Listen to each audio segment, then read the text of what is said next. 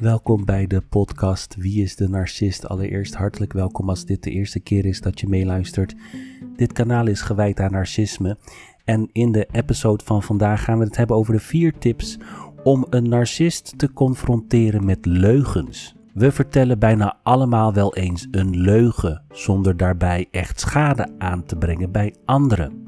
Voor de narcist is dit echter anders. Ik krijg heel vaak de vraag of de narcist altijd een leugenaar is. En helaas moet ik daar bevestigend op antwoorden. Het is nou eenmaal één van die eigenschappen die onlosmakelijk aan de narcist verbonden is. Maar wat kun je daar nu tegen doen? En kun je de narcist confronteren met zijn of haar leugens? Nou, narcisme is een persoonlijkheidsstoornis waarbij het getoonde gedrag heel zelfgericht en egoïstisch is. Daarnaast gaat dat vaak ten koste van de mensen in de directe omgeving. Het is echter een stoornis die voortkomt uit extreme onzekerheid en mogelijke trauma's uit het verleden.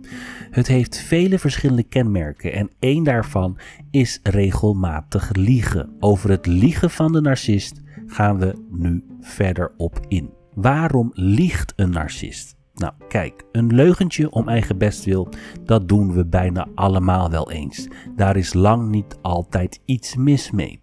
Het wordt echter wel een probleem als deze leugens ten koste gaan van de mensen om ons heen. De meeste mensen hebben dan ook een soort van moraal en zijn meestal in staat om de gevolgen van een leugen in te schatten. Met die gedachte kun je een afweging maken of een leugen wel of niet kan. De narcist heeft dat niet, die heeft alleen zijn eigen waarheid. En die waarheid is vele malen belangrijker dan de eventuele gevolgen. De narcist zal daarom altijd verantwoordelijkheid afschuiven door te zeggen dat iets jouw schuld is. Diegene zal altijd proberen om zichzelf beter te laten lijken en als daar een leugen voor nodig is, dan zal die altijd ingezet worden. Bijvoorbeeld beloftes doen. Narcisten zijn heel goed in het doen van beloftes. Je narcistische partner belooft bijvoorbeeld dat ze iets voor je gaat doen of dat ze op tijd komt, of zelfs dingen waarvan ze weten dat ze ze niet na kunnen komen. Ze doen die beloftes om je op dat moment goed te laten voelen. Daarom proberen ze zich voor je te winnen, zodat ze je beter kunnen controleren. Dus wees altijd op je hoede voor de leugens, ook al valt daar lastig aan te ontkomen. Weet een narcist dat hij of zij liegt? Narcisten weten donders goed dat ze liegen, maar ze voelen dat ze niet anders kunnen. De uitkomst en de noodzaak om zich goed te voelen rechtvaardigen de leugens volgens de narcist. Soms hebben ze niet door dat ze de oorzaak zijn van een conflict, bijvoorbeeld in de werksfeer. Als de sfeer op het werk zo giftig is door je narcistische baas dat je een overplaatsing aanvraagt. De narcist zal er alles aan doen om dat te voorkomen, om zo de controle over je te houden. Het kan zijn dat de narcist het in dit geval niet doorheeft. De narcist gelooft zijn of haar leugens ook vaak, omdat ze ervan overtuigd zijn dat ze beter zijn dan anderen. Vanuit die overtuiging is een deel van de leugens die ze vertellen voor henzelf vaak de waarheid. Maar ze weten het vrijwel altijd als ze leugens moeten vertellen om jou onder controle te kunnen houden. Wat ze echter lang niet altijd weten is welke gevolgen dat heeft voor een ander. Daar zijn ze vrijwel niet van op de hoogte. Dus het is voor jou belangrijk om de leugens te herkennen. Hoe kun je leugens herkennen van een narcist? Narcisten zijn heel goed in het vertellen van leugens, want het is heel normaal voor ze om op die manier hun eigen waarde hoog te houden. Vandaar dat bijvoorbeeld het letten op lichaamstaal een stuk minder effectief is bij narcisten dan bij andere mensen die een leugen vertellen. Zeker als ze ook nog eens in hun eigen leugens geloven. Dus hoe doe je dit nu wel? Tip 1. Kijk naar de patronen tussen de leugens. Een van de meest voorkomende leugens is het zichzelf ophemelen en anderen willen overtreffen. Als iemand bijvoorbeeld op een feestje vertelt dat ze een fietstocht van 180 kilometer gedaan heeft, dan ziet de narcist de noodzaak om te laten merken dat die beter is. Dus als de narcist dan antwoordt: ik heb een tocht van 200 kilometer gedaan, weet je dat er een grote kans is dat het een leugen is. Dus altijd maar de overtreffende trap gebruiken is een bekend signaal van leugens. Tip nummer 2. De verantwoordelijkheid afschuiven. Als er iets fout gedaan is en de narcist probeert de verantwoordelijkheid op een ander af te schuiven, weet je ook dat er een goede kans is dat het een leugen is. Want het maakt niet uit of de fout bij diegene ligt of niet. De narcist zal zelf nooit de verantwoordelijkheid nemen voor een probleem. Tip nummer 3.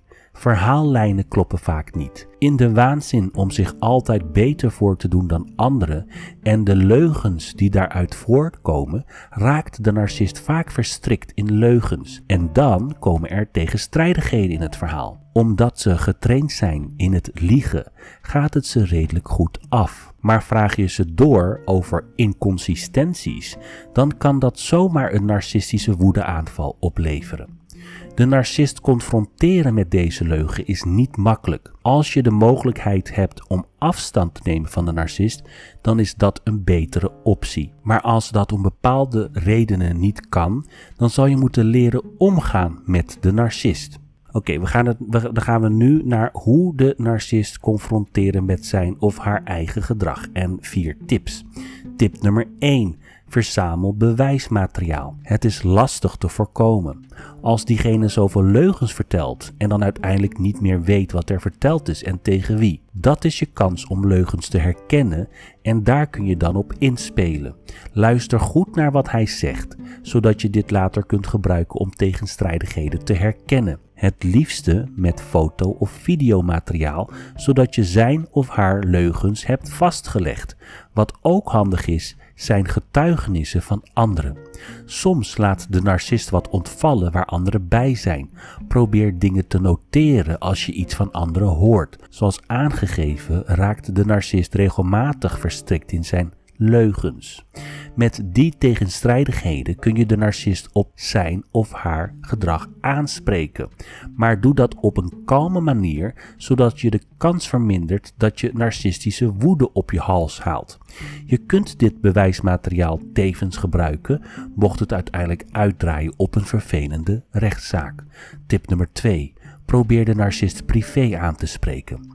In het openbaar is het lastig om de narcist aan te spreken, want hij of zij zal de mensen in jullie bijzijn erbij betrekken om je nog slechter te laten voelen.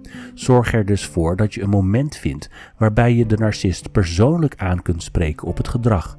Verwacht niet dat de narcist het zal begrijpen en zijn of haar gedrag direct zal aanpassen. Maar op die manier zorg je ervoor dat je duidelijk maakt dat je het niet met de narcist eens bent. Tip nummer 3. Geef aan dat je moeite hebt om te kunnen omgaan met de leugens. Als je de narcist wilt confronteren met zijn leugens, heeft het vaak geen zin om zelf heel boos te worden. Maar als je toch wilt laten weten dat je de leugens zat bent, dan is het voor jezelf belangrijk om hier assertief in te zijn. Geef aan dat je het er niet mee eens bent, dat je het lastig vindt om met de leugens om te gaan en dat het helemaal niet erg is om de waarheid te vertellen. Nogmaals, bedenk dat het niet direct impact gaat hebben op de narcist, maar je voelt je in ieder geval beter over jezelf. Tip nummer 4. Probeer jezelf niet te verliezen in de leugens. Natuurlijk wil je de narcist confronteren met de leugens, zodat diegene het gedrag verandert. En het kan helpen je beter te voelen. Het is echter lastig om een gedragsverandering teweeg te brengen. Wat je hoe dan ook kan doen is niet meer aandacht aan de leugens geven dan nodig is. Jij bent het belangrijkst, niet de narcist. Ja, dit zijn dus de vier tips die ik wil geven om een narcist te confronteren met leugens. En het is, zoals ik zei, niet makkelijk. Maar als je dit doet, dan, dan moet je ervan uitgaan dat je altijd tegengas zult krijgen van de narcist. Maar je laat in ieder geval aan een narcist merken dat je de leugen zat bent en dat je het er niet mee eens bent. En dat is al een belangrijke stap. Veranderen zal de narcist nooit, maar in ieder geval geef je aan van oké, jij gaat liegen, dat moet je bij mij niet proberen, want ik uh, hou niet van onwaarheden. Die narcist zal dat blijven doen hoor, die zal blijven liegen, die zal zijn gedrag niet aanpassen. Maar in ieder geval zal het wel op een bepaalde manier misschien minder worden. Of de narcist zal eh, ja, oppassen van, nou, ik moet bij diegene niet gaan zitten liegen. Hè? Want je ziet ook heel vaak dat narcisten passen hun masker namelijk aan. En, en, ze passen hun gedrag aan op basis van degene die ze zich voor zich hebben. Kijk, dus narcisten die zijn daar heel goed in. Die passen zich zo goed aan aan hun omgeving. Hè? De verborgen narcisten al helemaal, die zijn uh, moeilijk te herkennen. Hè? Niet snel te herkennen, omdat ze verborgen zijn. Dus dat, is, uh, dat zijn de meest uh, sluwe narcisten die je op je pad kunt hebben. De openlijke narcisten, daar, daar weet je meestal al, heb je al meestal snel in de gaten dat het een narcist is of een openlijke narcist. Dus, nou, dat is waar ik het vandaag over wilde hebben. Ik hoop dat het een interessant onderwerp is geweest voor vandaag.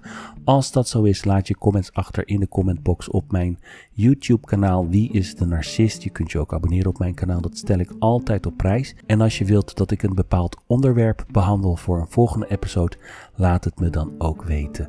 Bedankt voor het luisteren voor vandaag en tot de volgende keer.